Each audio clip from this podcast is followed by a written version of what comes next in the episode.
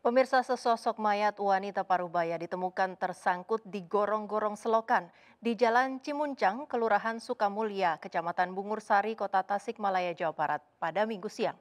Polisi segera mengevakuasi jasad wanita tersebut di tengah kerumunan warga yang menyaksikan proses evakuasi.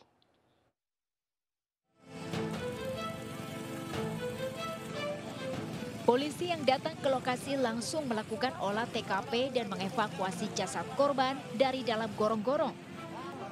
Proses evakuasi berlangsung dramatis.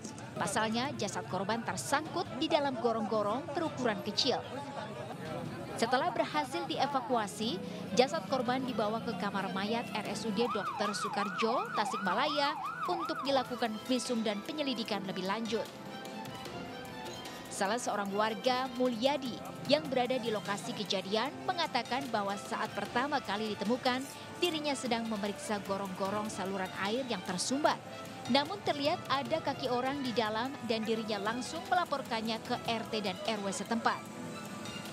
Ini gimana Pak? Ya iya di, di situ di gorong-gorong. Oh, Bapak lagi ngapain waktu itu Pak? Iya lagi ngebetulin itu kan mampet. Oh, betulin saluran air. Hmm. Terus? Ya awalnya sih itu tadi kan sampah. Ya.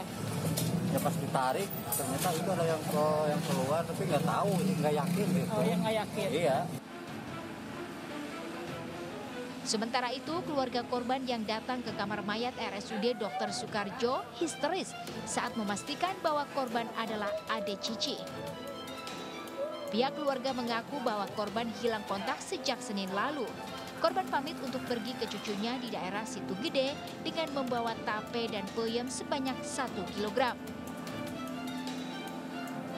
Kalau memang benar yang bersangkutan itu identitasnya adalah seorang wanita berumur 65, 63 tahun bernama Aceh, ya itu ya. Uh, uh, kita untuk sementara tidak menemukan tanda-tanda kalau memang yang bersangkutan sekali lagi yang dipastikan menderita lindung itu sebagai pikun lah gitu ya. Hmm. Korban yang selama ini pikun jalan kaki menuju situ gede dan lupa arah tujuan.